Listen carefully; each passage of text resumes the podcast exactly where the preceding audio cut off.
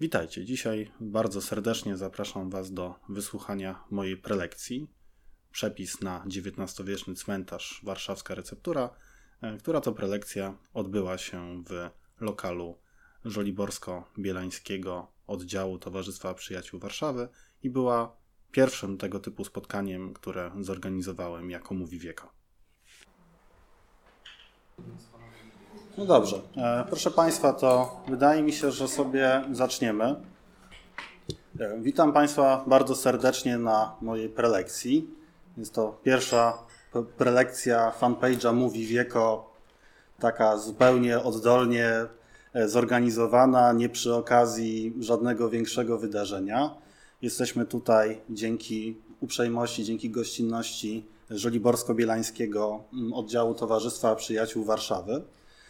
A ja chciałbym w tym e, bardzo refleksyjnym miesiącu zwrócić Państwa uwagę e, odnośnie mm, istnienia XIX-wiecznych cmentarzy, dlatego że to są te cmentarze, te, te najstarsze cmentarze, jakie jesteśmy w stanie w ogóle znaleźć w e, topografii miasta.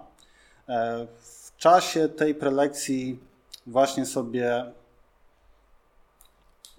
uświadomimy, trochę sobie przybliżymy, jak właściwie doszło do powstania tych cmentarzy w Warszawie. Będzie bardzo warszawska prelekcja. E, potem sobie przejdziemy do tego właściwie, co na, tym, co na tych cmentarzach robiono, jak, jak w ogóle nasze społeczeństwo doszło do, do tego, że mamy tak unikalną w skali Europy kulturę cmentarną. Dlaczego? U nas 1 y, listopada, czy 1 i 2 listopada są tak ważnymi świętami, e, co chociażby jeżeli Państwo kiedyś e, byliście w tych, mm, w tych terminach w krajach regionu, u naszych najbliższych sąsiadów, to łatwo zobaczyć, że no jest to rzeczywiście nasza polska specyfika. Generalnie wiek XIX dążył do stworzenia nowego rodzaju cmentarza. Jest to cmentarz romantyczny. Jest to cmentarz romantyczny, czyli cmentarz w formie parku, na którym e, przychodzą przedstawiciele różnych pokoleń. Są osoby starsze, są, e, są osoby powiedzmy w wieku dojrzałym, dorosłym. Pamiętajmy o tym, że e, to też jest nowinka XIX-wieczna, że osobę 30 plus nie uważa się za starca. Tak? To nam się trochę zaczyna zmieniać w ogóle podejście do życia. Ale co jest istotne, i co widać we w zasadzie wszystkich przedstawieniach romantycznego cmentarza, takich artystycznych, e, bardzo jest ważne tam e, portretowanie dzieci. Bo ten cmentarz, to przechowanie pamięci nie może się odbyć, jeżeli nie będzie udziału tego najmłodszego pokolenia. Jest to już rzeczą absolutnie normalną e, w pierwszej połowie XIX wieku, że na cmentarze przychodzi się z dziećmi. Wcześniej raczej unikano tego, raczej nie chciano, żeby dzieci odwiedzały cmentarze, no z tego względu, że dzieci są, jak wiadomo, bardziej wrażliwe na sprawy za grobem, więc mogłyby po prostu na tym cmentarzu kogoś zobaczyć, czy coś zobaczyć i by bardzo szybko do tego czegoś bądź kogoś dołączyły, tak? Dlatego, że pamiętajmy o tym, że E, w tej tak zwanej śmierci oswojonej, w tym podejściu do śmierci, które właśnie dominuje do wieku XIX, a na wsiach dominuje do w zasadzie połowy wieku XX, podstawową e, emocją wobec zmarłego nie jest miłość, nawet jeżeli to jest nasz bardzo bliski zmarły, tylko jest strach. Zmarli zarażają śmiercią, dlatego trzeba ich jak najdalej, jak najbardziej oddzielić od świata żywych. O, o tych różnych tam metodach będziemy sobie, mm, będziemy sobie opowiadać. Ale najpierw chciałbym mm, Państwu opowiedzieć o tych reliktach starych cmentarzy. Dlatego, że w Warszawie e, zostało nam wbrew pozorom sporo śladów po tych cmentarzach, które już nie działają, gdzie przynajmniej jak chcą nas przekonywać źródła administracyjne z pierwszej połowy XIX wieku, nawet nikt nie leży. E, to jest oczywiście bzdura. Za każdym razem, jak w tej historycznej części Warszawy jest robiony jakiś remont, jakieś głębsze e, wykopy, to zaraz tam znajdują kości z e, różnych mm, etapów naszej burzliwej historii i nie jest to wbrew pozorom głównie, mm, głównie II wojna światowa, są to czasy znacznie wcześniejsze. Jednym z przykładów takiego ostańca jest kapliczka. Jest to nagrobek, ale przez lata funkcjonował jako przydrożna kapliczka przy ulicy Malborskiej na warszawskim Targówku. E, mianowicie aż do konserwacji wydawało się, że jest to po prostu to taki bardziej finezyjny, ale jednak przykład czyjejś fundacji. Natomiast kiedy zrobiono konserwację, kiedy zdarto późniejsze e, warstwy kamienia, okazało się, że jest to nagrobek poświęcony rodzinie, e, która zmarła w wyniku dżumy w pierwszej połowie XVIII wieku. Nie wiemy, tak? Czy, no, gdzie się ten cmentarz znajdował. E, nie wiemy, nie, nie, były robione żadne badania archeologiczne w tym, w, tym, w tym miejscu. Bardzo możliwe, że jest to rzecz po prostu wtórna, że nagrobek, e, kiedy już e, śladów po jakby cmentarzu nie było, po prostu przeniesiono w inne miejsce i go wtórnie zaadaptowano do tego, żeby był, żeby był przydrożną kapliczką. Takich, takich węgrzyński, a, węgrzyńscy albo węglewscy. To, jest, to można zobaczyć przy ulicy właśnie Malborskiej, co jest tym jakby bardziej zabawne, że tam wokół są bloki, po prostu taki typowy e, krajobraz dwudziestowieczny, tak, więc to tak jak w amerykańskich horrorach często się akcja zaczyna od tego, że się mieszkańcy orientują, że są na jakimś starym indiańskim cmentarzu, to to również możemy coś takiego E, pokazać. No ale na przykład Chińczykom, e, którzy mają ambasadę też na dawnym cmentarzu, jakoś to chyba bardzo nie przeszkadza. Chińska ambasada jest przy ulicy Świętojerskiej od, od Świętego Jerzego. Był to w ogóle najstarszy kościół na terenie Warszawy. Kościół bardzo ciekawy, dlatego że był najbliżej położony szafotu. E, I był to kościół cieszący się i cmentarz cieszący się złą sławą, bo tam właśnie grzebano skazańców. E, jedyne, co nam się ostało z tego cmentarza i z tego kościoła, to jest dzwon. E, nie wiadomo w zasadzie, do czego ten dzwon służył, no bo wiadomo, że każdy dzwon mm, e, w starych kościołach miał swoją specjalną funkcję. Były dzwony na, na burzę, tak przeciwko burzom, były, były dzwony za konających, były dzwony za trwogę. Na, na trwogę to wcale nie było wszystko jedno, czym się dzwoni. W każdym razie ten dzwon można obejrzeć dzisiaj w e, kościele mm, pod wezwaniem mm, świętej Katarzyny, czyli na Służewiu. Zresztą jest to w ogóle e, bardzo, bardzo ciekawy kościół, bo mamy tam karawakę, czyli ten, e, ten krzyż z dwoma ramionami, który ma też chronić, chronić przeciwko, przeciwko dżumie. Dzisiaj też chyba najlepszy, przynajmniej moim zdaniem, przewodnik po Warszawie, Arkadiusz Żołnierczuk, pokazywał E, zdjęcia obelisku, e, który stoi mm, przy kościele świętego Alojzego, e, który mówi o 30 ty tysiącach pochowanych na terenie szpitala Dzieciątka Jezus. Oczywiście ten, tenże szpital nie był przy, tym, przy kościele świętego Alojzego, bo był przy dzisiejszym Placu Powstańców Warszawy. Podobno ci zmarli zostali przeniesieni na, na cmentarz Brudnowski, no ale nie zakładałbym się. Tak, jestem przekonany, że jak teraz tam w tych okolicach e, są różnego rodzaju prace, tam mnóstwo tych XVIII-wiecznych e, szczątków ludzie znajdują. W każdym razie wszystko to nam e, wskazuje mocno, że tak jak świetnie to Rymkiewicz ujął w Kinderszenen, jeżeli ktoś mieszka na terenie wielkiego miasta, musi się przyzwyczaić do faktu, że mieszka na jednym wielkim cmentarzu. I rzeczywiście Warszawa, Warszawa pod to wszystko się łapie. Dlatego, że początkowo cmentarze były na terenie miast i z tych miast musiały zostać przeniesione w drugiej połowie XVIII wieku. Nie ze względu na to, że zmieniła się jakaś duchowość, jakaś obyczajowość związana z tymi zmarłymi, tylko dlatego, że smród rozkładających się zwłok jest wprost proporcjonalny do rozwoju miasta E, I generalnie były takie kościoły, mm, takie no, z tych ludniejszych parafii, gdzie w miesiącach letnich po prostu nie szło wytrzymać ze względu na właśnie odór rozkładających się zwłok. Im większe miasto, tym był to większy problem. Podobno Paryż, największe miasto ówczesnej Europy, śmierdział na trzy dni konnej jazdy wokół.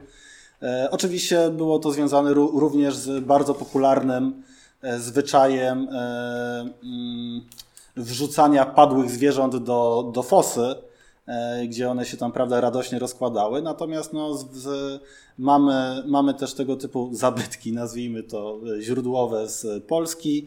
Generalnie w drugiej połowie wieku XVIII obszar obecnych plant krakowskich E, to było skrzyżowanie rumowiska z wysypiskiem śmieci e, i takim właśnie bagienkiem, mm, które było, było w miejscu mm, miejskiej fosy. Tam wrzucano tyle śmieci, że to przestało być fosą w pewnym momencie, stało się bagnem. No a tutaj z Warszawy to mamy z kolei przykład Gnojnej Góry, e, która to wysypisko śmieci, teraz tam jest ten piękny taras widokowy na, na Pragę, pewnym momencie e, to wysypisko stało się tak uciążliwe, że królowie e, polscy wcale nie mieszkali na Zamku Królewskim, bo po prostu od tego smrodu. No nikt by nie chciał mieszkać tuż obok wysypiska śmieci. Zapytajmy mieszkańców Radiowa, czy się z tym zgodzą. E, stąd też jest cała masa pałaców w samej Warszawie i okolicach, dlatego że królowie nie mieli żadnego innego wyboru.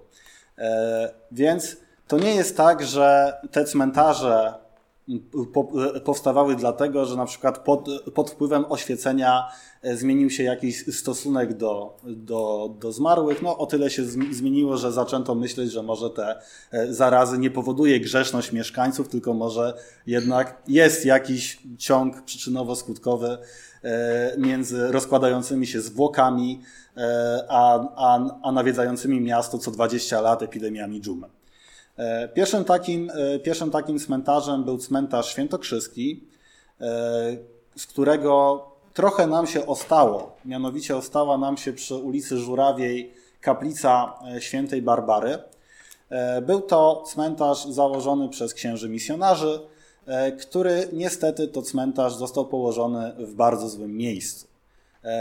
Dlatego, że mm, był, że był położony w zasadzie widłach kilku rzek, które skutecznie wymywały wszystko, co było chowane na tym cmentarzu. Zresztą e, jedną z tych rzek dokładnie można znaleźć w topografii miasta. Jest to ulica Żurawia, która e, idzie mm, korytem rzeki Żurawki. Na wysokości Placu Trzech Krzyży przechodzi w dawny potok na, nad, nad Książęcem, czyli w ulicę Książęcą. E, i jeżeli ktoś prawda, porusza się po mieście samochodem, no to widzi, tak, jak się poruszamy wzdłuż, e, wzdłuż e, skarpy wiślanej. To jest po prostu efekt jednej z tych, jednej z tych kilkunastu rzek, które, rzek, strumieni, one, różne są, one są różnie nazywane, które mieliśmy na terenie Śródmieścia. No, Żurawka była większą rzeką, dlatego że do, że do początku XIX wieku był, był przez nią mm, przeprowadzony 23-metrowy brukowany most, więc no, był, to jednak, był to jednak kawał rzeki. Z innych takich ciekawostek melioracyjnych to też na przykład ulica Krucza e, wcale nie wywodzi swojej nazwy od żadnego kruka, tylko od krucza. Krucze to bagno i generalnie odzwierciedla, czym ta okolica e, była jeszcze na początku wieku XIX. Zresztą nie jest, nie jest że tak powiem, przypadek, to już przepraszam, ostatnia dygresja warszawianistyczna, taka stricte. E, dlaczego tam była potem dzielnica żydowska, Nowa Jerozolima, skąd mamy Aleję Jerozolimską, po prostu e, Żydzi, którzy nie mieli możliwości osiedlania się w samej Warszawie, no, dostali taki teren, jaki, jaki dostali. Tak? I, I mamy dalej jakby tego zabytki po prostu w nazewnictwie. E, w każdym razie e, na terenie cmentarza świętokrzyskiego w zasadzie nie było żadnych nagrobków. E, jest to łyse pole, właściwie tylko dookoła tego cmentarza zostało wytyczone kolumbarium, zwane wtedy katakumbami. To jest, że tak powiem, ciekawa kwestia, dlatego że katakumby to jest takie kolumbarium, które jest pod ziemią. Tak? Jeżeli mamy coś e, nadziemnego, to jest to jednak na, e, nazywane kolumbariami. Ale źródła to nazywają bardzo konsekwentnie katakumbami, nawet jeżeli jest to na, na, nad poziomem gruntu.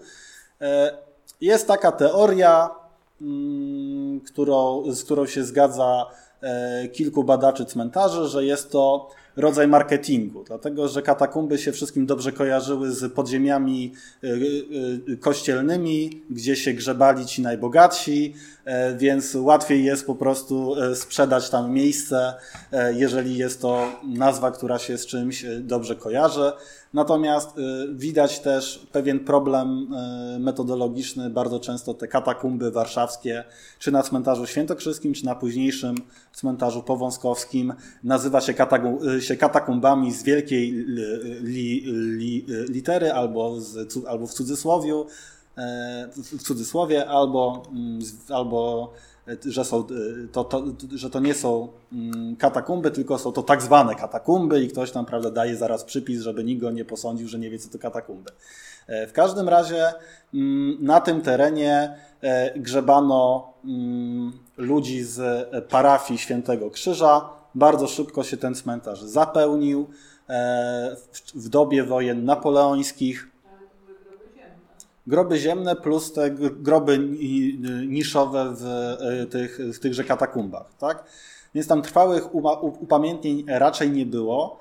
E, w czasie wojen napoleońskich ku, ku wielkiej zgrozie i niezadowoleniu księży misjonarzy grzebano tam też padłych w mm, szpitalu e, żołnierzy księstwa warszawskiego. Księża misjonarze e, słali protest za, za protestem, że jest to zabieranie miejsca, że jest to dodatkowa praca, że jest to spadek do dochodów tak bardzo e, nie chcieli tamtych żołnierzy, że kto wie, że może fakt, że dalej nie ma żadnego upamiętnienia, że tam kiedykolwiek leżeli, to może jest jakaś ta, e, jest jakaś ta e, kwestia. W każdym razie cmentarz, cmentarz świętokrzyski ma, ma historię stosunkowo krótką, dlatego że bardzo szybko mm, przychodzą nam powodzie, tak? największe powodzie w historii Polski notowane to są właśnie te, e, te powodzie wieku XIX z tą katastrofalną powodzią roku 1812, która walnie się też przy, przyczyniła do, do, do klęski Napoleona pod Moskwą, bo po prostu nie dało. No, Wisła przestała być e, po prostu e, przepływalna w tych najważniejszych miejscach. No ale właśnie te, te powodzie, te ulewne deszcze, mroźne zimy spowodowały, że ostatecznie część katakumb się zapadła. E, poza tym, ze względu na ten bardzo wysoki poziom wód gruntowych, non-stop wymywało kości, e, non-stop e, niszczyło tam groby i było to jedno wielkie zagrożenie epidemiologiczne. Stąd w połowie lat 30. XIX wieku ten cmentarz został zamknięty. W tej chwili, zgodnie z tym, co mamy w źródłach, wszyscy pochowani są pochowani w pięciu wielkich, masowych mogiłach e, przy, przy właśnie samej kaplicy świętej Barbary. Mm, jedyne, że tak powiem, większe upamiętnienie tego miejsca jest takie, że jest tam tabliczka, że jest to teren cmentarza, więc y, wstęp z psami wzbroniony. E, więc po tym zamknięciu E, w zasadzie jedynym miejscem grzebalnym dla Warszawy stał się cmentarz powązkowski, do którego, e, o którym będziemy sobie więcej tutaj e, rozmawiać. Tam też były katakumby, czy w cudzysłowie katakumby, czy tak zwane katakumby. Tylko, że doszło do tego, że się mm, czasy trochę zmieniły. Czasy się zmieniły, mianowicie E, powstał pomysł, żeby jednak ten cmentarz zaczął wyglądać, e, zaczął wyglądać trochę inaczej.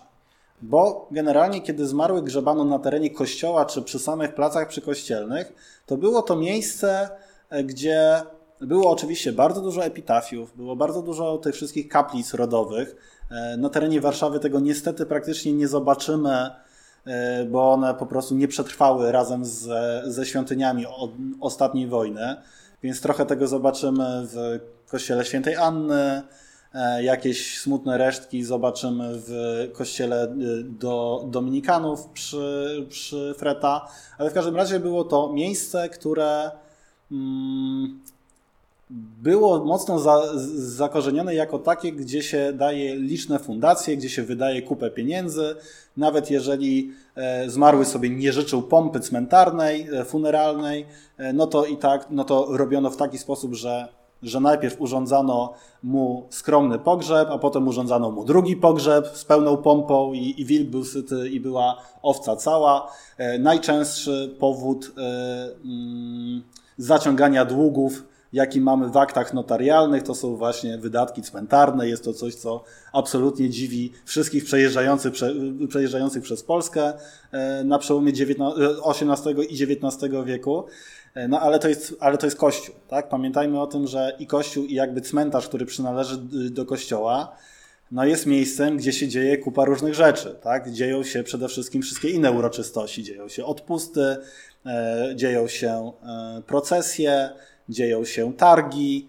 E, do jakby XVII wieku można spokojnie na cmentarzu mm, można spokojnie na cmentarzu e, sprzedawać surowe mięso przy tych otwartych jeszcze grobach, które, się, które czekają na to, aż będą zapełnione. E, ciągle się ponawia mm, zakazy tańca, czyli że dużo tam jednak tańczono. Są, prawda, zakazy, żeby tam wywieszać pranie, że tam nie można sobie przyjść z owieczką albo krówką. Tak, więc no jest to miejsce, które w jakiś sposób żyje. Natomiast taki właśnie cmentarz gdzieś tam za rogatkami miasta jest po prostu czymś koszmarnie mało atrakcyjnym przez pierwsze kilkadziesiąt lat. Zresztą źle się to wszystkim kojarzy.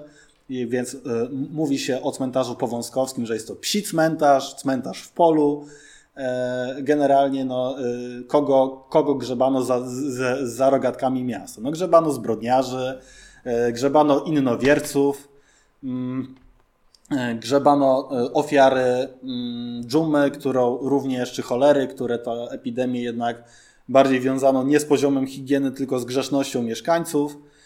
Więc no generalnie ten cmentarz powązkowski na początku wygląda w sumie podobnie jak ten cmentarz świętokrzyski. E, no ale znowu to się zmienia, tak? Przychodzi nam romantyzm, przychodzi nam ta wielka rewolucja mm, uczuć, e, przychodzi chociażby tak rewolucyjne myślenie, że może warto jest się żenić z miłości. To jest coś, czego kultura europejska nie zna wcześniej w zasadzie, a jeżeli zna, no to e, źle się kończy, bo to mamy, prawda, miłość Romea i Julii, która trwała trzy dni i skończyła się tam dwunastoma trupami, nie? Więc nie jest to, że tak powiem, coś, do czego rozsądna kultura mieszczańska dąży. E, no ale właśnie, następuje ten gigantyczny przewrót uczuciowy, emocjonalny, e, z którego wychodzi również to, że właśnie ta śmierć oswojona, czyli to taka śmierć, no dobra, wszyscy umrzemy, ale ci zmarli są jakby przede wszystkim niebezpieczni, ulega przeobrażeniu w tak zwaną śmierć opłakiwaną, gdzie właśnie zmarły jest tym kochanym zmarłym, e, za którym można, e, za którym można trzymać żałobę aż do końca swojego życia, co jest rzeczą absolutnie niewyobrażalną. E, I właśnie wtedy takie katakumby, jak widać, stają się czymś szalenie mniej atrakcyjnym. Kazimierz Wójcicki, czyli pierwszy najważniejszy historyk powązek w połowie XIX wieku właściwie się dziwi, kto by się chciał grzebać w katakumbach, bo jak się tam e, położy, e, położy kwiaty albo świece, to nie wiadomo komu. E, poza tym, jeżeli ktoś chce przeczytać napis, no to musi wejść na, wejść na drabinę, musi wejść tam z latarnią, no jest to absolutnie coś bezsensownego e, i on tego po prostu nie rozumie, tak? Że on, on już patrzy na to oczami innej epoki, właśnie epoki romantyzmu. E, I, I w sumie wbrew pozorom on jakby stawia po raz pierwszy te, te zarzuty, które się pojawiają dzisiaj w tych naszych mm, współczesnych, bardzo skromnych kolumbariach, które są wzdłuż na przykład murów cmentarnych, gdzie, gdzie są tylko nisze na urny i tam, i tam, i, i tam to też jest, tak? Są cztery czy pięć tych, tych prawda, niż w rzędzie, w pionie, no i jest pytanie, a komu tam, prawda, ktoś ten znicz postawił. Teraz y, widziałem, są takie, y, stawia się y, półeczki na tym, tak? więc, więc to też się w jakiś sposób e, indywidualizuje, więc widzimy, że jest to proces, który radośnie trwa już 150 lat e, i nikt jakby no nie wpadł na to, żeby te nisze, żeby, te, e, żeby je zamykać, nie wiem, w sposób bardziej wklęsły, żeby można było, żeby można było coś na nich postawić. No poza tym, ze względu na to, że że właśnie te, ten zmarły jest tak trudno dostępny, no to ciężko jest właśnie tam przyprowadzić dziecko, ciężko jest tam przyprowadzić do, do tego zmarłego rodzica, tak, żeby, żeby coś o tym zmarłym opowiedział, dlatego że cmentarz staje się właśnie miejscem, spotykania się ze zmarłymi. Jest to absolutna, e, jest to absolutna nowość, co jest tym ciekawsze, że, a to za chwilę, że ten cmentarz to jest właśnie litografia cmentarza Powązkowskiego właśnie z połowy XIX wieku. Zwłaszcza, że, te, że ten cmentarz e, wyglądał wtedy no tak, no tak dosyć upiornie, prawda? No tutaj e, gdzieś tam, z, z, zwłaszcza, że nie był zamykany na noc, więc gdzieś tam, prawda, w świetle księżyca można było odczytywać te kolejne inskrypcje, te pojawiające się coraz trwalsze upamiętnienia. E, były tam młode drzewa, które, e, które nie dawały takiego całkowitego cienia, e, tylko ten, tylko ten cień drgał od, od wiatru. No, wiatr był tam niezły, zresztą o każdym świeżo założonym cmentarzu mówi się o tym, że po prostu wiatr tam gna jak prawda wicher przez rozłogi, cytując klasyka, że prawda ciągle daje piachem po oczach i że, i że jest w ogóle mało, mało sympatycznie, więc początkowo takie zarzuty są wobec, wobec cmentarza właśnie Powązkowskiego, potem są, są odnośnie cmentarza na, na Brudnie, potem są, na, są w XX wieku odnośnie cmentarza północnego, a teraz południowego, więc jak widać pewne rzeczy E, są takie, że można wykazać to, to długie trwanie. W każdym razie ten cmentarz jest miejscem, gdzie możemy spotykać zmarłych. Tak, tak jak to mamy w e, dziadach Adama Mickiewicza, gdzie po prostu jak tylko światło miesiąca tej prawda, e, lampy Ackermanu, że tak twórczo połączę kilka utworów Mickiewicza, no to można tam prawda, tych, tych, tych zmarłych spotykać. Ale dalej jest to miejsce, gdzie o tym trwalszym upamiętnieniu, gdzie o tym spotykaniu E, zmarłych myśli się dopiero później, myśli się czasami, czasami po latach. No a nie do końca jest tam, mm, nie do końca są tam przestrzegane pewne reguły, pewne prawa. I czasami było tak, że te groby wykopywano gdzie bądź. Często wykopywali je sami bliscy zmarłych. E, nie było wytyczonych kwater, nie było wytyczonych e, stałych alei i bywało już tak po kilku miesiącach, że na przykład rodzina nie była w stanie e, znaleźć grobu swoich, swoich bliskich. Jeszcze weźmy pod uwagę to, że, że biedniejsi mieszczanie, tak, ten nasz proletariat warszawski przeważnie nie potrafił, nie potrafił czytać, tak, więc na tych nagrobkach nie było w ogóle żadnych imion, żadnych nazwisk, ewentualnie było, było coś tam wydrapane, jakieś po prostu piktogramy, że to jest, prawda, nasz, e, nasz krzyż.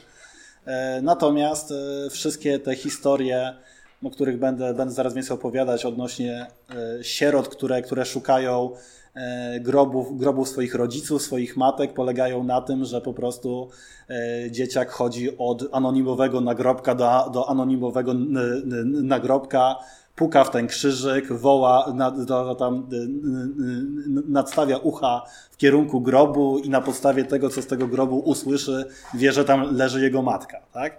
E, podobny problem jest w przypadku upamiętnienia mm, nawet większych, bardziej znaczących osób, jak na przykład Antoni Malczewski. E, jest to pierwszy poeta romantyczny u nas, e, który niestety e, zmarł z głodu, z biedy, zanim, zanim romantyzm stał się modny. Zabrakło mu dwóch, trzech lat, żeby po prostu stać się drugim Mickiewiczem, czyli pierwszym Mickiewiczem.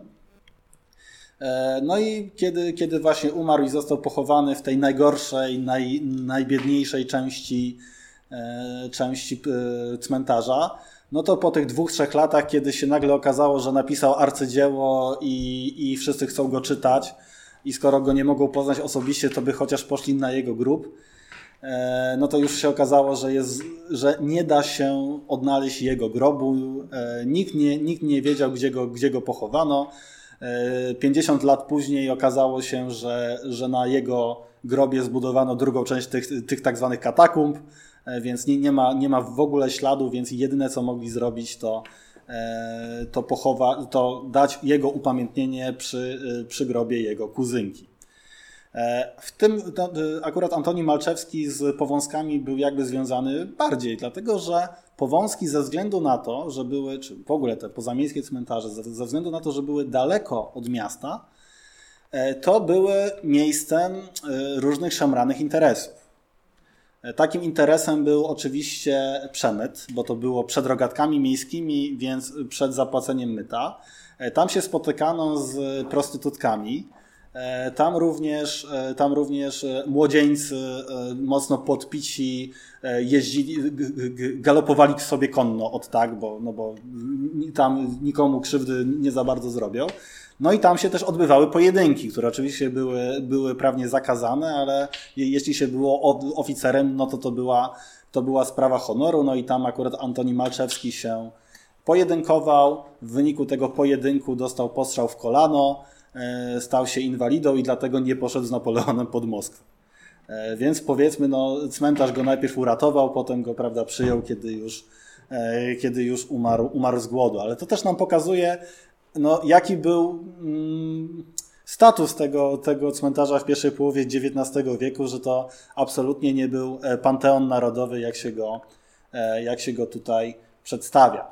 E, natomiast właśnie przez to, że cmentarze stały się miejscem spotykania zmarłych i to były takie szczęśliwe spotkania, no to zaczął się zmieniać, przynajmniej w wierzeniach, w literaturze, w mm, podaniach ludowych, E, właśnie status niektórych zmarłych. Bo generalnie najbardziej niebezpiecznym zmarłym to była kobieta zmarła w połogu. E, jeszcze, zwłaszcza jeżeli dziecko się e, nie urodziło, to, no to też czasami nie było wiadomo, czy to dziecko w ogóle należy pochować, czy ono jest dzieckiem, czy ono nie jest dzieckiem, a jeżeli nie jest dzieckiem, no to trzeba je pochować w ogóle poza cmentarzem. E, poza tym wiadomo, że śmierć w połogu e, to jest kara za, za grzechy, że ta kobieta musiała sobie mocno przeskrobać, e, więc też były po prostu specjalne części na takich niebezpiecznych zmarłych, bo jeżeli któraś, któraś z tych kobiet wstawała, prawda, jako, jako upiór, no to wiadomo lepiej, żeby, żeby, żeby wszyscy mieli czas, żeby, żeby zejść z drogi. E, no ale właśnie, no to już, to już e, romantyzm to zmienia, tu już ta właśnie skarga sieroty, która e, jest prześladowana przez macochę, bardzo, bardzo popularny motyw w literaturze, już ma, już ma zupełnie inny, mm, inny wydźwięk. Poza tym, przez to, że pojawiają się trwalsze upamiętnienia, to to już nie jest tak, jak to było właśnie w wieku XVIII, że E, że po tych jednych sierotach zaraz się pojawiały kolejne, że o tych dzieciach e, czy o tych matkach się bardzo szybko że oni, że oni bardzo szybko zapominano. No tylko to był taki wyrzut z sumienia, takie właśnie ciągłe, ciągłe przypomnienie e, strasznych rzeczy i ze względu na to mm, i ze względu na to zaczęto inaczej do tego podchodzić. Więc pojawiają się bardzo piękne legendy, bardzo piękne wierzenia, gdzie bardzo ważną rolę odgrywają aniołowie. E, którzy mm, właśnie w Wigilię Wielkiej Nocy, Wielką Sobotę, w nocy przychodzą na te cmentarze e, i właśnie ozdabiają te e, groby sierot, zaniedbane groby gwiazdami ściągniętymi z nieba, ewentualnie z, z, z niczami ściągniętymi z za bardzo udekorowanych grobów. Poza tym przenoszą też E, ciała tych dzieci do grobów swoich rodziców, do, do grobów swoich matek i wtedy już te dzieci uspokojone e, nie pałętają się po okolicy e, i nie, i nie zarażają śmiercią przypadkowych, przypadkowych przychodni. I tutaj mamy akurat, mm, tutaj do, dochodzimy do właśnie tych przedstawień zmarłych, Najbardziej znanym nagrobkiem w ogóle na Powązkach jest oczywiście nagrodek, nagrobek Lusi Raciborowskiej, zmarłej w wieku lat 18. W wyniku, e, co pisano w gazetach, zbytniego stresu nauką, e, Lusia się tak przejęła egzaminami wstępnymi e, do, do bodajże warszawskiego konserwatorium, że, że dostała zapalenia mózgu zmarła w wyniku tego, więc dawano to na, to, to na przestrogę wszystkim nauczycielom i wszystkim rodzicom, żeby za dużo nie wymagali od swoich dzieci, no bo program jest przeładowany i co trzeba sobie zdać z tego sprawę. Zdawano sobie z tego sprawę w roku 1899, kiedy zmarła. No, jest to, jak widać, temat, który, który wracam. W każdym razie Lusia na swoim nagrobku jest, przedstawiająca, jest przedstawiona jako osoba, która e, pokonała śmierć, która e, wyłania się właśnie ze swojego grobowca, idzie prawda, w kierunku nieba, bo na pewno jest zbawiona. Tak, bo jest osobą młodą, e, więc nieskalaną grzechem i dlatego mm, na pewno zażywa rajskich, rajskich radości. Obok tych rajskich radości E, nie można mm, nie wspomnieć tak, przy ich okazji o aniołach, o tej, o tej najliczniej e, występującej braci cmentarnej. Najróżniejsze są te anioły, część to są anioły stróże, część to są anioły e, śmierci, są anioły tam psychopompai, czyli przewodnicy dusz. Są też skrzydlate istoty, które absolutnie aniołami nie są, E, bo jest to na przykład po, e, pogański bóg, e, bóg, bóg śmierci Thanatos, jest to pogański bóg snu Hypnos, są to geniusze śmierci również, no ale no, nam się rzadko kiedy chce jakby wnikać w tę jakoś tam symbolikę. Mówimy o nich cmentarne anioły i ta granica między właśnie aniołami a zmarłymi się coraz bardziej zatraca. I dochodzi do właśnie takiego kultu zmarłych, który nie bardzo się różni właśnie od kultu tych dobrych duchów. Powstaje po raz pierwszy w zasadzie w dziejach kultury chrześcijańskiej założenie, że kiepsko to jest tu na, tu na ziemi, tak? natomiast każdemu się należy święty spokój e, w zaświatach, więc w zasadzie to nasze myślenie o, o przyszłym świecie dużo szybciej się demokratyzuje, dużo się mm, szybciej jakoś tak nabiera cech inkluzywnych niż nasze życie tu na Ziemi. Zresztą te anioły czasami są, są, są prawdziwymi dziełami sztuki. E, na przykład e, anioł na, na grobie Józefa Elsnera w czasie deszczu płacze prawdziwymi łzami. Jest tak zrobione, są takie te rowki, że rzeczywiście E, są, są strumienie łez, które, które, które płyną z jego oczu. Oczywiście e, po tam 100, 150 latach to tej wody jest tam tak dużo, że już są po prostu stałe zielone plamy takich porostów, e, więc on teraz już zawsze płacze. Natomiast no, niech będzie to przykład na to, że właśnie od połowy mniej więcej XIX wieku mm, ten właśnie Mm, cmentarz staje się e, po prostu wystawą, galerią dzieł sztuki na, na świeżym po, powietrzu. Jak się pojawiają nowe rzeźby, e, są one mm, komentowane na łamach warszawskich gazet, e, są one komentowane przez licznych spacerowiczów,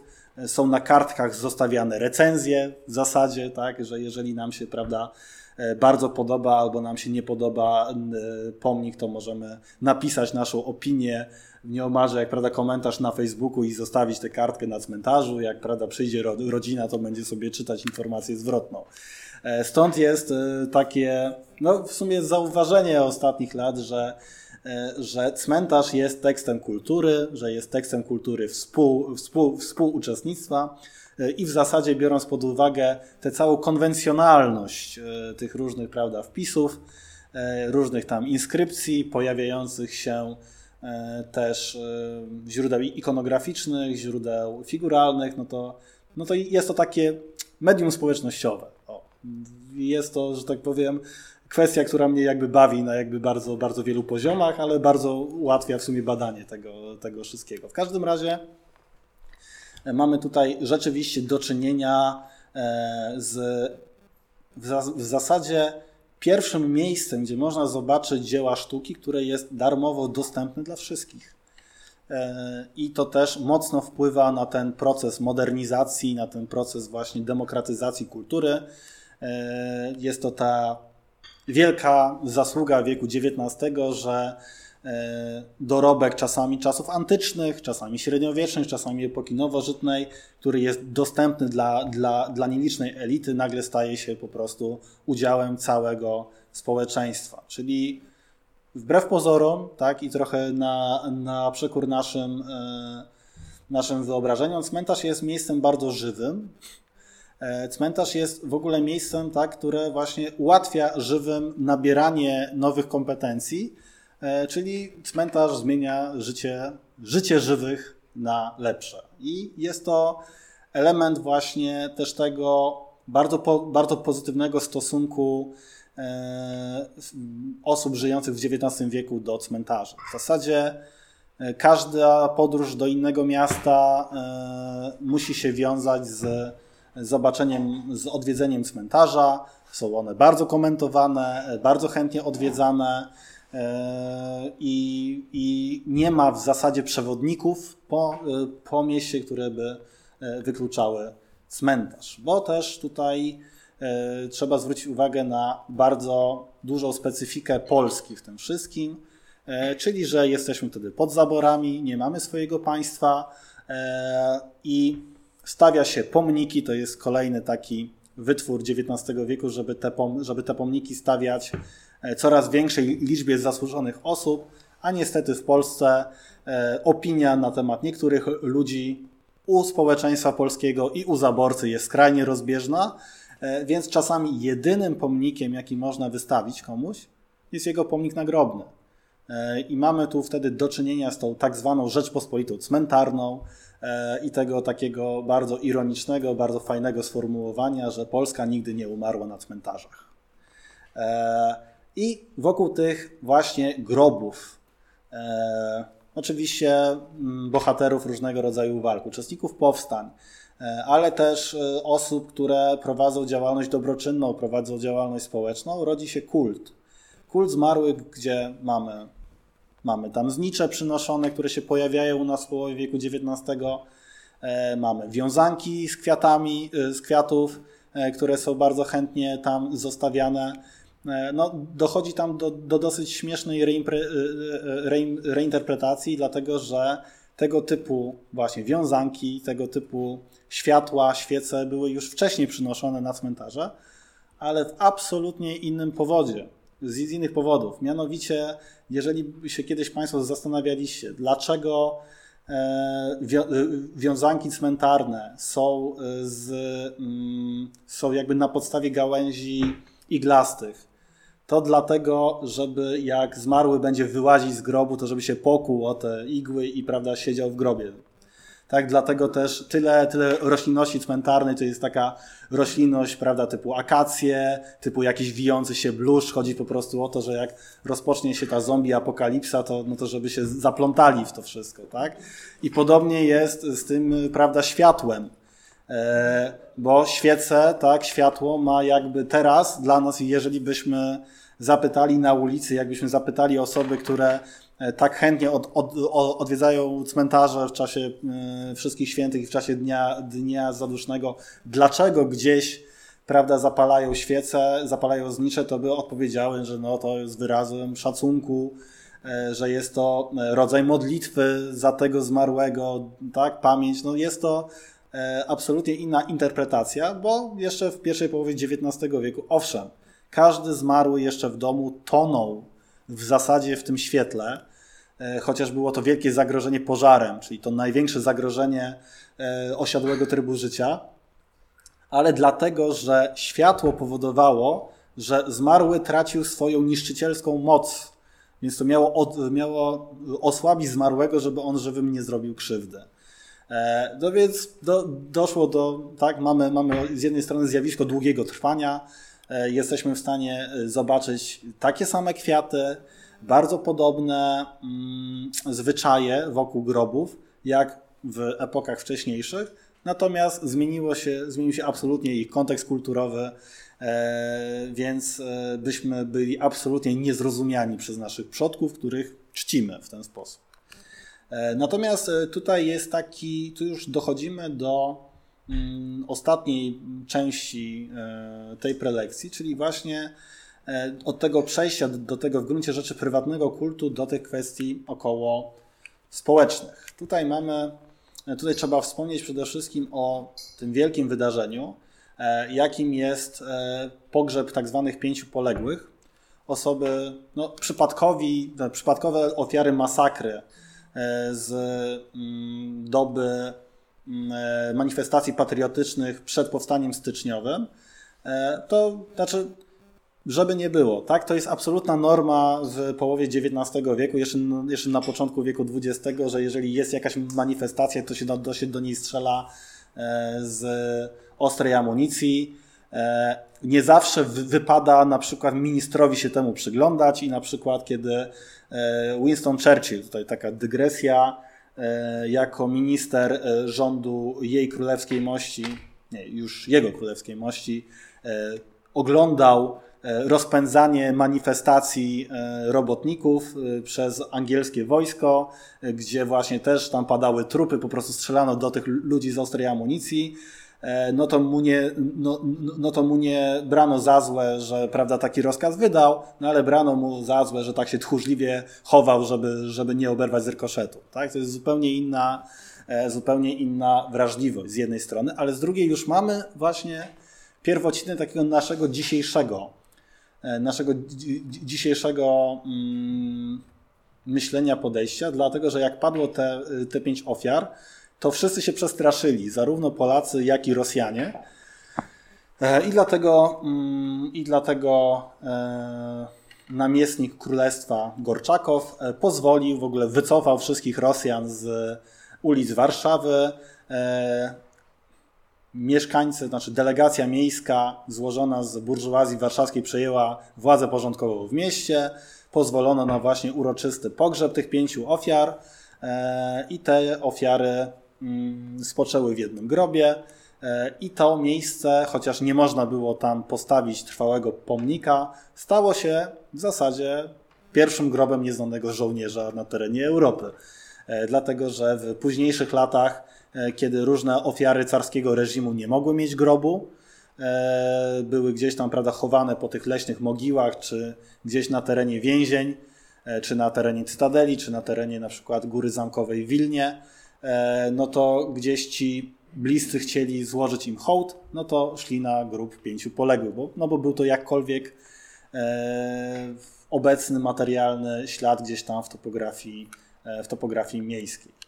E, tu jest przykład jeszcze, o którym muszę wspomnieć, e, mianowicie później, tak, w kwietniu 1861 mamy kolejne manifestacje i mamy kurlandzkiego tak by chyba trzeba było to nazwać, e, kurlandzkiego e, oficera Iwana von Pojkra, e, czy Johanna von Pojkra, Jana von Pojkra, no tam różnie go prawda, w źródłach się nazywa, na jakby grobie jest Iwan. Był to oficer mm, w wojsku carskim, który w momencie, kiedy się dowiedział, że ma strzelać, że ma wydać rozkaz strzelania do, do, do bezbronnego tłumu, to postanowił za, z, zrobić jedyną rzecz, jaką honor oficera mu, mu dozwolił, czyli się zastrzelił. E, co znowu spowodowało wycofanie wojsk e, rosyjskich z ulic. E, wszyscy się przestraszyli. Tutaj ludność Warszawy, ludność Warszawy bardzo go gorąco pożegnała jako właśnie swojego bohatera.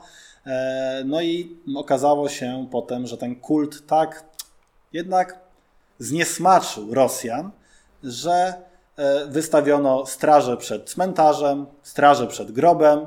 E, trzeba było, żeby, żeby, do, żeby dostać się na cmentarz, mieć paszport specjalny. Trzeba było się wytłumaczyć, do jakiego się grobu idzie, ile się tam będzie stało.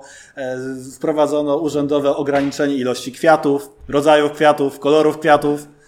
E, I generalnie e, w takich okresach wzmożonej e, kontroli trzeba było mieć prawda, specjalne uprażnienie, żeby można było wyjść, wyjść na cmentarze. W ogóle próbowano ograniczać wtedy próbowano wtedy ograniczać liczbę, mm, liczbę mów nad grobem. próbowano ograniczyć czas trwania pogrzebu, dlatego że Polacy się nie spieszyli z y, powrotów z mm, pogrzebów, tylko właśnie na tym terenie cmentarzy dyskutowali namiętnie na temat polityki.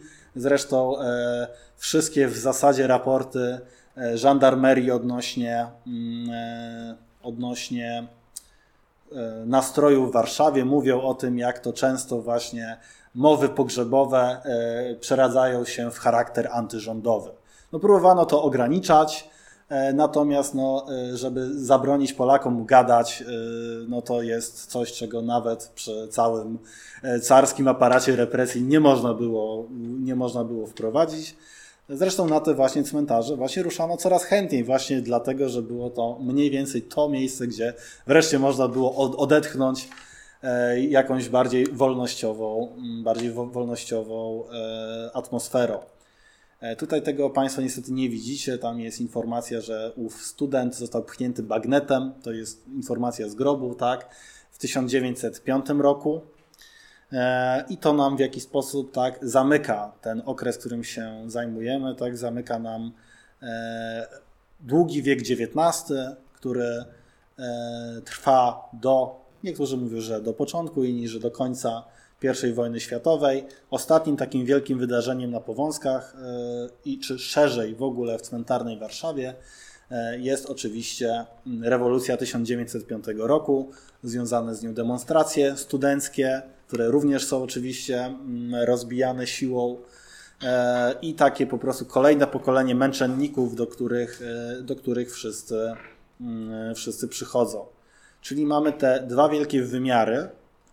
Wymiar taki osobisty, e, czy może szerzej, może wymiar rodzinny i ten, e, czy może lepiej, tak? Mamy wymiar rodowy i narodowy e, cmentarzy warszawskich, które po prostu w tym bardzo trudnym czasie dla Warszawy, bo Warszawa to tutaj znajdujemy się na, no w sumie to już na Marymoncie, ale na Żoliborzu, więc zdajemy sobie sprawę z historii miejsca, w którym jesteśmy, tak? czyli mamy Warszawę, e, która została stłoczona jako trzecie miasto co do wielkości Imperium Rosyjskiego e, w taki bardzo wąski kołnierz twierdzy Warszawa, tutaj w tych wszystkich fortów towarzyszących Cytadeli, więc było, więc było to miasto bardzo stłoczone, bardzo kontrolowane, gdzie w zasadzie taki odpowiednik stanu wojennego, e, stanu oblężenia, jak to ładnie było e, nazywane, no, trwało tutaj przez kilkadziesiąt lat.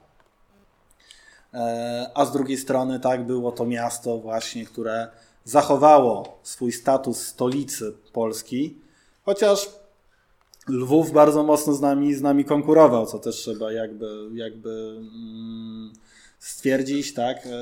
natomiast no, było to miasto, do którego jednak wzdychano dosyć mocno poza nim.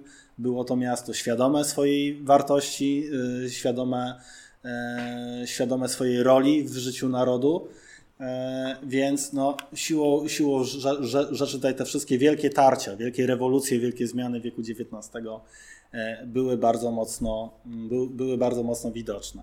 No i takim właśnie jednym z pól, z pól bitew o którego emancypację walczę, między innymi prowadzą swój fanpage, tak? to jest docenienie w tym wszystkim roli cmentarza, docenienie w tym wszystkim roli zmarłych, do, docenienie w tym tego w ogóle, że w momencie, kiedy zabrakło osób, które pamiętały wolną Polskę, sięgnęliśmy po pamięć po tych osobach i dzięki temu zbudowaliśmy e, nowożytny, zupełnie e, współczesny naród, E, który miał jakby swoje ambicje, które te, które te ambicje, oczywiście z różnym skutkiem, ale to inna historia, próbował realizować już po odzyskaniu niepodległości. E, więc tutaj można oczywiście zadać sobie pytanie, czy ten temat wykładu nie był, nie był, nie był trochę przewrotny, bo jest w ogóle pytanie, czy to jest jakikolwiek przepis na ten XIX-wieczny cmentarz, czy to nie była po prostu jedna wielka improwizacja trwająca przez ponad 100 lat E, próba dostosowania e, do jakby mm, różnego rodzaju warunków, no ale jak to, e, jak to mówił jeden z moich ulubionych kucharzy, że kuchnia to nie jest apteka, kuchnia to, to jest poligon i to również można jak najbardziej odnieść do naszej historii cmentarzy. Te nasze cmentarze warszawskie są jednak trochę jedyne w swoim rodzaju. E, mają trochę nasz taki przekorny, przekorny charakter. E, nie dały się, że tak powiem, uładzić e, w żaden prawda, sposób. Jeżeli Państwo będziecie na cmentarzach galicyjskich, to na przykład zobaczycie, że najpiękniejsze pomniki są, są tylko po, po zewnętrznej stronie kwater, to jest jakby narzucone natomiast no, tutaj na Powązkach na przykład również prowadzono coś takiego na, na, narzucić, ale się nie udało. Tak? Po prostu no, ktoś sobie kupił pole grobowe i będzie sobie stawiał to, co chce. Żaden urzędnik nie będzie mówił, e, co ma tam stawiać. Tak? E, co właśnie sprawia też chyba, że no, my je chętnie odwiedzamy, dlatego że no, one mają taki taki bardziej ludzki charakter. Tak? To jakby nie jest, nie jest cmentarz spod igły, E, to nie jest cmentarz, gdzie tam się musiał jakiś architekt e, wypowiadać.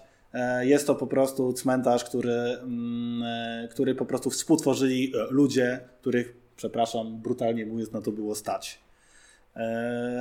I w zasadzie no, dla mnie to jest taki prawda, przykład, bo to dużo osób ma, ma zarzut do Warszawy, że właśnie Warszawa jest taka niejednolita w stylu. Nie, niektórzy to próbują w ogóle zrzucać na okres PRL-u. No ale nie, no chyba, chyba po prostu my jakby warszawiacy tacy jesteśmy, że no, no ten nasz taki, taki indywidualizm, taka nasza próba e, wywarcia jakiegoś piętna no jest, no jest tak duża, że, e, że po prostu odbija się nawet na tak, wydawałoby się skonwencjonalizowane e, ob, ob, obszary życia, jakim jest grzebanie i pamięć po naszych zmarłych. No ja tutaj skończę oczywiście obrzydliwą autoreklamą, to znaczy myślę, że większa część Państwa, no, y, skoro tutaj jest, no to mm, z moim fanpage'em już się jakoś zetknęła. E, natomiast no, ja to wszystko grzecznie nagrywam i jako podcast będę wrzucał w czwartek. Mm, e, możliwe też, że tutaj przynajmniej jedna z pań jest dlatego, że że udostępniono to moje wydarzenie w kilku grupach. Ja też udostępniałem je w kilku grupach, więc możliwe, że to jest pierwszy kontakt, więc w każdym razie e, zapraszam do, do, do śledzenia. E, więc te, te, te wszystkie tematy cmentarno-nadprzyrodzone staram się w jakiś sposób popularyzować odbiorcy dali mi jasny, jasny sygnał, że nie chcą czytać o jakby o, o, o, historii, pow, o historii powszechnej, że interesuje ich głównie historia Polski. No a media społecznościowe wiadomo jak działają, tak? To ja to sobie wyobrażam tak jakby pod tym, pod tym moim wiekiem e, państwo z, z, e, zostawiali różnego rodzaju karteczki, gdzie prawda mówią, no nie no fajnie, tak, ale zbyt jakby angielsko, to może, a może coś, a, a, a, kiedy jakiś, prawda, pomnik w bardziej, w bardziej polskim stylu, no więc staram się na te, na tę potrzebę jakoś tam odpowiadać. No było to pierwsze moje takie spotkanie, oddolnie jakby tworzone, zresztą to w ogóle widzę, że ten język też jest dobry, tak, to jest wieko, to jest odpowiedź na pewną niszę, działania mamy oddolne, no, że wszystko gdzieś tam gdzieś tam się prawda łączy, medium społecznościowe, e, więc jeżeli e, się Państwu to podobało, jeżeli jest to jakaś tam formuła, która rokuje na jakiś. Wieko to jest od czego? Od wieku? Od, znaczy, od wieka. Tak, to znaczy generalnie... Bo ja mówię, że może taki jakiś stylizowany wiek, no nie wiem. To znaczy generalnie e, jest to... Tak, dokładnie. Jest to oczywiście nawiązanie jest to rodzaj, prawda, żartu z tym po prostu najbardziej za, z, zasłużonym, tak. E, więc jest to oczywiście z najbardziej e, zasłużonym e, polskim czasopismem rodzaj, nie wiem, polemiki, choć moim zdaniem też jakiegoś hołdu dla nich, tak? Czyli oczywiście czasopismo mówią wieki, e, więc, więc które się dalej, e, dalej jest wydawane. Mam nadzieję, że, że mnie nigdy nie, nie pozwą o jakby wykorzystanie czegoś rażąco podobnego. E, no oczywiście. Tak, czcionkę muszę bardziej zmienić może. E, w każdym razie e, niektórzy właśnie to, i ja też to tak na początku interpretowałem jako właśnie to takie wieko trumny, E, było, jest to znowu też kolejny jakiś rodzaj mm, konwencji, że prawda, Polską to rządzą trumny i to każdy sobie, prawda, wpisuje czyje trumny. E, natomiast e, kiedyś mi, mi jakby zwrócono uwagę, że wieko jest też od skrzyni, w tej skrzyni, w tej skrzyni są różne pamiątki i że to też można interpretować w taki sposób. No proszę Państwa, no ja jestem oczywiście humanistą, więc moją rolą jest, prawda, mądrzenie się, co autor miał na myśli, więc muszę oddać pole, jak, jak to Państwo interpretujecie, no to niestety to już nie jest moja jakby wina ani, ani prawda, zasługa. W każdym razie bardzo dziękuję za wysłuchanie. Zaraz przejdziemy do ewentualnych pytań jeżeli gdzieś się tam, e, gdzieś się tam e, stworzyły. Pan się specjalizuje głównie w cmentarzach? Tak, jako, jako historyk zajmuję się tanatologią, e, czyli właśnie postrzeganiem śmierci. Przede wszystkim się zajmuję e, postrzeganiem śmierci dziecka w tej kulturze XIX-wiecznej, dlatego że wieku, wiek XIX się rozpoczyna tym, że dzieci grobów nie mają w ogóle praktycznie, są chowane gdzieś pod płotem, e, a kończy się po prostu tą pełną pompą, gdzie dziecko staje się bardzo ważnym zmarłym, staje się łącznikiem e, między światem żywych a światem zmarłych. To ja mam taki rodzinny przekaz z Galicji. Moja pra prababka miała w sumie 11 dzieci. I pierwsza siódemka jej zmarła tam w różnym wieku. Dopiero do dorosłości ostatnia czwórka doszła i wiem, że tata mi taki przekaz dawał, że to jest w tym, bo tam jest taki grób rodzinny jest w takiej małej górce, tak jakby taki domek doklejony do górki, na głównym tam cmentarzu w tej miejscowości, że w tym zboczu są te dzieci pochowane, ale też nie ma ani nic, żadnego napisu i tak dalej, nic nie ma. Ale to możliwe, że już wychowali na początku, chyba one musiały zemrzeć w połowie, do połowy wieku XIX. Znaczy tak, e, z tym upamiętnianiem to bywa różnie. Przede wszystkim nie jest ma, pytanie... Słucham? Nic o tych dzieciach nie ma. No więc, bo to może być tak, że na przykład, e, bo przeważnie tak było, większa część w ogóle tych wszystkich grobowców, pierwsze te pochówki to są pochówki dziecięce.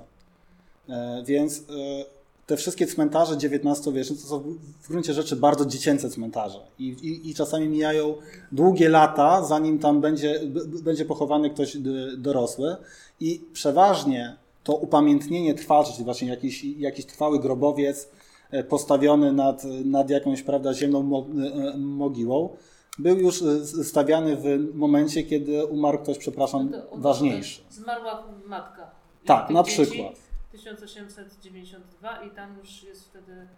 E, jest Więc jest jakby też szansa, no bo to wiadomo, płaci się od znaku, tak, Jak, który jest wyryty na danym grobie i niestety często ludzie na tym oszczędzali i na przykład jak były tabliczki, te metalowe tabliczki z pogrzebu, no to one były na przykład, nie wiem, drutem przyczepiane do jakby krzyża, ale nie było już tego trwalszego upamiętnienia. No i jak to z, z, z, jakoś tam zardzewiało, E, już tam minęło, nie wiem, 40-50 lat, już mało kto te dzieci w zasadzie kojarzył, to niestety bywa bardzo często, że one w ogóle nie są upamiętnione. Na przykład na, na cmentarzu ewangelickim tutaj w Warszawie, e, tej części luterańskiej, praktycznie nie ma żadnych XIX-wiecznych dzieci.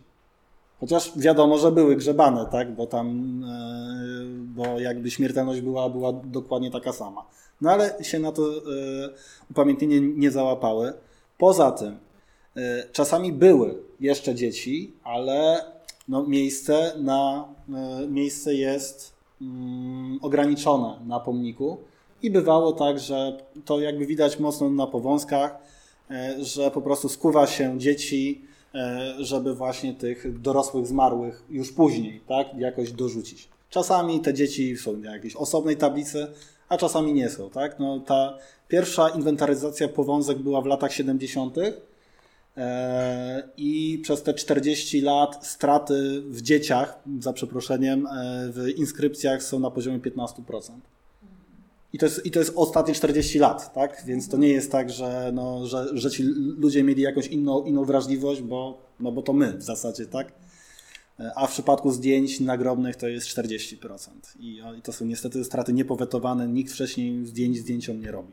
A czy wiem, czy to jest uwzględnione na przykład w, w tej nowej inwentaryzacji, która jest zrobiona w Polsce, że są dopisane, że panowie są skuwane i tak dalej?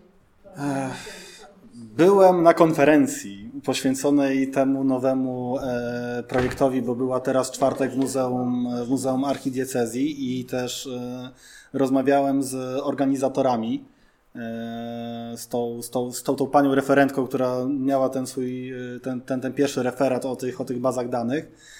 E, no to oni, tak, to oni, to znaczy, oni uwzględnili to, co mają w bibliografii, a, a w bibliografii mają, mają inwentaryzację profesora Biernata i mają, inwentary, i mają inwentaryzację Krystyny Witkowskiej. Więc tak, więc jest to jakby uwzględnione. Więc, e, więc mamy, że tak powiem, że, więc to nie jest tylko ta kwestia związana z mm, tym, że mamy ten stan obecny, ale jest jakaś, jest jakaś głębia. Aczkolwiek E, aczkolwiek nie jestem pewien, czy oni te, te dane wrzucili w tę samą wyszukiwarkę grobów, bo, bo to w ogóle jest wyszukiwarka grobów. Tam nie było postawionych niestety celów dla, dla badaczy. E, to jest fancy wyszukiwarka grobów, gdzie można sobie kliknąć piksele na mapie. Nie chcę o tym źle mówić, ale parę rzeczy zrobili naprawdę tak, że byłem zdziwiony, że tak to zrobili.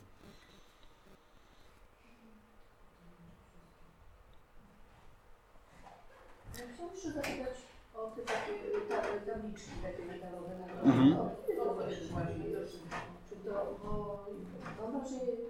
Tak sobie teraz przypominam jakieś y, obrazy na przykład, tam chłopska trudna, coś takiego.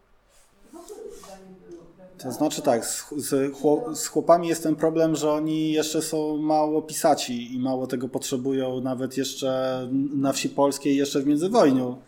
E, te, te chłopskie nagrobki czasami są takie dosyć w ogóle anonimowe.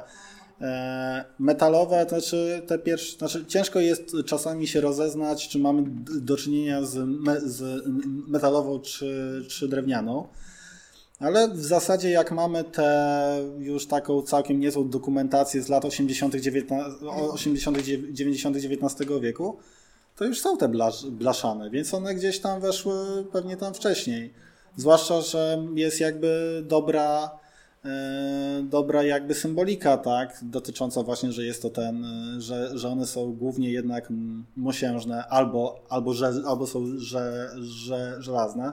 Oba te jakby materiały mają bardzo dużo, ma, mają bardzo duży kontekst kulturowy, tak. Oba są e, bardzo, mm, bardzo wykorzystywane na, na cmentarzach. To mm, pani Karolina Orzuk, drugiego nazwiska nie pojmę, on, nie, nie, nie, nie pomnę, autorka monografii o cmentarzu rakowickim, w ogóle stawia taką tezę, że jest najpierw okres żelazny e, cmentarza XIX-wiecznego, a potem e, mosiężny i ma taką bardzo ambitną teorię na, od, od, od, odnośnie kontekstu. Mnie się wydaje, że to jednak rozwój kolei. Mody takie były. Tak, tak, tak, tak, dokładnie, że jest to kwestia mody i kwestia tego, że, że doszła kolej do, do Krakowa e, i po prostu potaniały materiały i jak ktoś mógł sobie sprowadzić mosiąc, to sobie sprowadził, a nie prawda żelazo, zwłaszcza, że żelazo w naszych warunkach e, no, i, no, szybko koroduje po prostu, tak? A rdza słabo wygląda.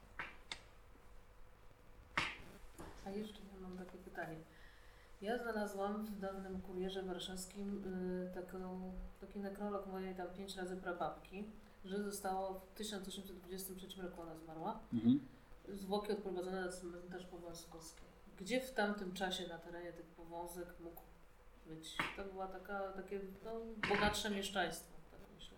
No to jest on to albo, albo katakumby, no albo kwatery od 1 do, do 16, bo to jest, bo to jest obszar.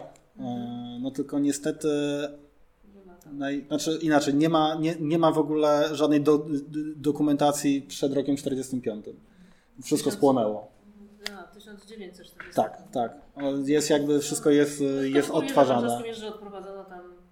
No tak, to jest jedyna informacja, aczkolwiek tutaj mogę jeszcze ewentualnie zasiać wątpliwość, bo, e, bo te też bogatsze groby były, były sytuowane w pobliżu e, kościoła e, Karola Boromeusza, który wtedy był malutkim ko kościółkiem, który bardziej przypominał właśnie tak jak pokazywałem te kaplice świętej Barbary. No i on był w zasadzie trudno powiedzieć, żeby był rozbudowany. On został zburzony i został postawiony drugi w jego miejscu, dużo większy. To No nam i, te, i te groby zostały po prostu wtedy zniszczone, między innymi grób Konarskiego, tak? I w ogóle y, wszystkich PR-ów, tych takich naszych ważnych, o, y, oświeceniowych, tak? Wszystkie z, z, z, z, zostały zniszczone, mają tylko tablicę w nawie bocznej. Więc to też jest. Nie, ale tutaj niestety, jeżeli nie było gdzieś informacji, Znaczy nie znalazłam Eee. tak, żeby tam gdzieś to Też nazwisko... alejki były podzielone, prawda? Więc pod tymi alejami też są groby, bo one są powtórne te aleje. Tak, tak, tak. Bo tam były, znaczy inaczej. E, to, co można zrobić, e, to mm, ustalić, z której była parafii.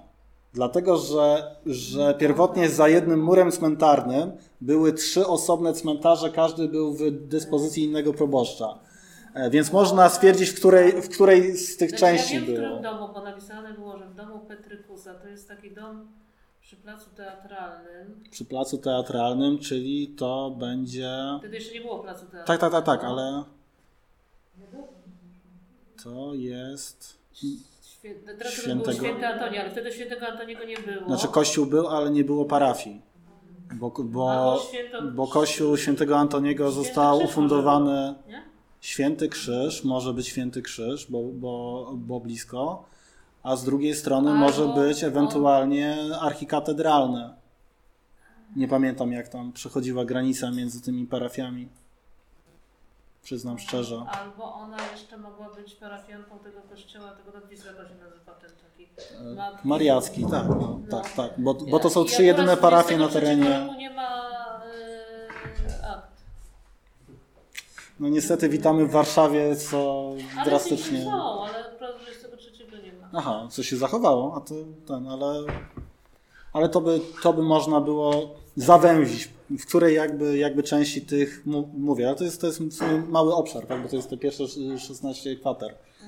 Więc to jest w zasadzie tyle, jak mamy obszar katakumb. To jest dokładnie ta, to była szerokość tego, tego cmentarza na początku.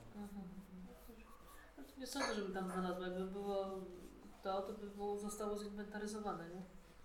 W którymś momencie. No tak, no to znaczy, no bo, ale ta inwentaryzacja, no pierwsze próby, że pytanie, czy ktoś był, był, był w tym grobie pochowany, yy, kto na przykład przez swoją grupę zawodową został zinwentaryzowany wcześniej, no bo były takie, ta, takie księgi pamiątkowe poświęcone na przykład lekarzom, strażakom, nauczycielom i mamy je jeszcze z XIX wieku. Nie, były, nie miały No ale mąż miał na przykład, tak? Jeżeli, jeżeli, jeśli ktoś w tym grobie był, był, był, był jeszcze pochowany, e, potem mąż i synowie to na No to są niestety trudne poszukiwania, ale i tak, że, że sięga Pani pamięcią genealogiczną do, Nie, do to ja się dalej 1823. sięgam, Tylko, tylko właśnie te jakieś pralotki tak no, mało wiem, poza tym, że było napisane, że zwłoki odprowadzone na cmentarz. Mhm. No to mówię, no w którejś z tych pierwszych to 16 było? pra- Wiem, kwater. E, Dobrze, to ja Państwu bardzo dziękuję. Jeżeli są jeszcze jakieś kuluarowe pytania, bo, bo często bywają, to oczywiście chętnie odpowiem. E, dziękuję.